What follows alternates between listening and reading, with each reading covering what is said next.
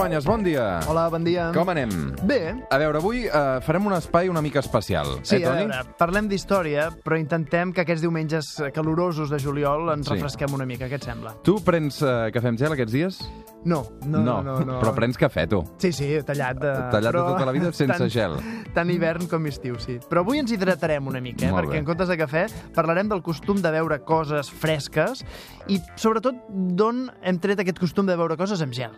Bees will buzz, kids will blow dandelion fuzz, and I'll be doing whatever snow does in summer. Avui una altra història diferent amb el Toni Cruanyes. Avui arrenquem amb una cançó de la pel·lícula Frozen i surt un ninat de neu que vol veure l'estiu, però, clar, a l'estiu la neu es fon. Sí, per això avui parlarem de granissats, que de fet no és més que un repàs a la història de la humanitat, ja ho veuràs, perquè és veure com al llarg de la nostra existència hem intentat combatre el calor com hem pogut. Doncs fins fa poc no hi havia neveres, no hi havia congeladors, tampoc hi havia aires condicionats. Com ens ho fèiem? De tot i així, sempre hem intentat passar la calor de l'estiu com hem pogut. De fet, les civilitzacions més antigues ja elaboraven coses semblants al que avui en diríem un granissat. De les maneres més rudimentàries o, o més sofisticades, sempre és el mateix, eh? Agafar un tros de gel o de neu de la muntanya, donar-li cops fins a aconseguir-ne una textura més o menys granulosa.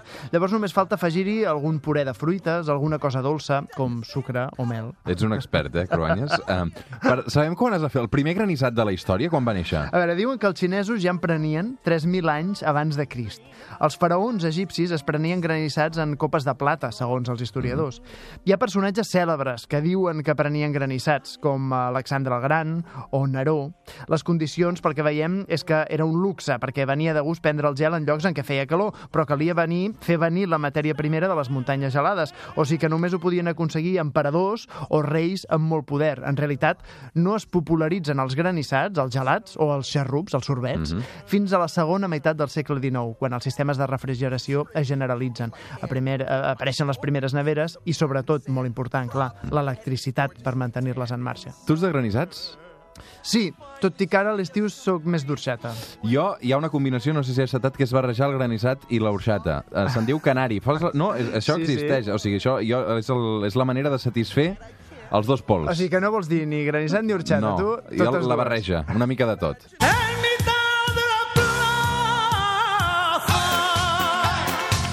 A veure, amb aquesta bonica banda sonora, d'on ve l'orxata, Cruanyes? Doncs de València. Es nota que estem de final temporada, ja. No, no t'ho creuràs, però saps que els primers que van veure orxata de xufla no van ser els valencians, sinó els egipcis? Els egipcis, els faraons egipcis sabien uh, viure bé en aquest cas perquè ja tastaven l'orxata. Sí, no sé si ens podem imaginar Cleòpatra bevent una orxata. D'ella se sap que es banyava amb llet de burra, Sí. però vaja. Eh, doncs s'han trobat xufles en els aixovars dels faraons, a les Carai. tombes funeràries, a les piràmides. Per tant, se suposa que si la xufla ja es feia servir, molt possiblement el suc de la xufla, que és l'orxata, doncs també. I com es fa l'orxata? en van parlar em fa fa riure, perquè, clar, jo no en tinc ni idea, només ho vam veure...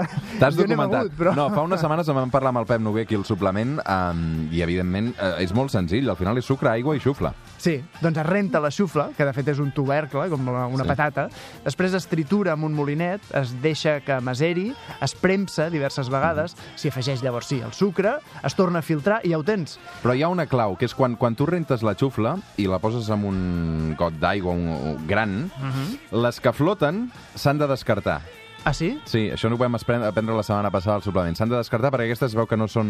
donen mal sabor. Molt bé, s'ha de filtrar. Doncs, S'ha de eh? filtrar. Uh, les que no floten es queden dins. A veure, i sabies tu també que a banda del bon gust, la xufla és molt nutritiva perquè té moltes proteïnes, molts minerals, també molts greixos saturats. Per això es vivia inicialment no només per plaer, sinó també pel seu poder nutritiu. Bye. Música d'estiu de Verano Azul. Com va arribar l'orxata a València, Toni? Doncs com havia de ser, amb la dominació musulmana del País Valencià al segle VIII. El cultiu es va anar generalitzant fins a arribar al segle XIII, que és quan tenim la primera referència escrita de l'ús de l'aigua de xufla, que és el precursor de l'orxata. El tenim en un document enviat al rei Jaume II, el 1297, en què des de la cort es demanaven recomanacions per curar, alerta, les hemorroides. Carai. I li recomanen aquest precursor de l'orxata. O sigui, l'orxata va bé per curar les morenes. Jo no ho he provat, però Jaume II li van recomanar que en dejú es prengués unes 30 o 40 arrels de xufla. No celebraven res, ho celebraven tot. Jo no volia anar a dormir. M'amagava a la cuina. Porta'ns el gin de vi. Què se n'ha fet de aquella gent. Aquí el David Caravent de Mishima cantava Posa'm més gin, David, parafrasejava una frase que li deien els seus pares quan era petit. Uh, hem començat parlant de com ens refresquem, uh, en aquest cas, els egipcis, uh, i després uh, de com es curava també les morenes Jaume II. Sí, és que molts invents han acabat tenint èxit com a efectes secundaris d'un descobriment científic, mèdic, i el que també ens serveix per refrescar-nos aquests dies, que és el Sí. gin tònic, no saps com es va inventar? També va bé per les hemorroides, el gin tònic? Que se sàpiga, no. Però un farmacèutic alemany que intentava trobar una cura pel càlcul renal va inventar la ginebra. I un holandès que volia inventar l'aigua amb gas a través de bombolles de diòxid de carboni va aconseguir l'actual tònica, a la que hi van afegir quinina per millorar-ne el gust i que va resultar un medicament perfecte per combatre la malària. I aquí se li va acudir finalment la mm, barreja majestuosa de la ginebra i la tònica? Doncs a un britànic, clar, l'especialitat dels britànics és no fabricar res, però patentar el que fan els altres. Els soldats britànics que estaven a l'Índia a finals del segle XIX tenien molta calor, molts diners, poca feina i un problema greu amb la malària. Així que van començar a afegir la tònica per refrescar-se i per cuidar-se de la malària que es transmetia per les picades de mosquit. Es va generalitzar i es va posar de moda l'exèrcit britànic i d'aquí va passar al consum de la població general durant el segle XX.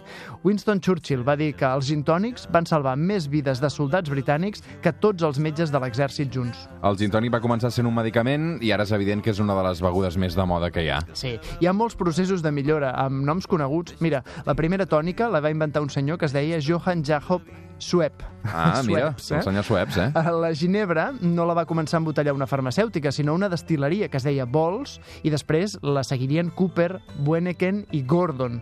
I a Anglaterra, una de les primeres destil·leries seria la fundada per Charles Tanqueray, el 1830, i seguiria Beefeater, al cap de poc. Tu ets de gin tònics o no, Toni? Sí, no a aquestes hores, però a la nit, sí. Pobles i festa, descontrol, ruïna, mandanga en el tanga, burumba i en tarima. Doncs avui amb una proposta diferent arribarem fins les 9 del matí amb aquesta cançó d'un grup valencià. En aquest cas tornem a l'Orxata Sound System, recuperem el que veníem abans. En aquest cas ve de València, també hem descobert que venia potser de- d'Egipte, aquesta Orxata. Avui es diu uh, La Palmera Destroy, aquesta cançó, Cruanyes, que et proposem. Molt bé, granissat, orxata, gin tònic i la música que vulguis. A l'estiu tot s'hi val. Va, Toni, una abraçada ben forta. Bon dia.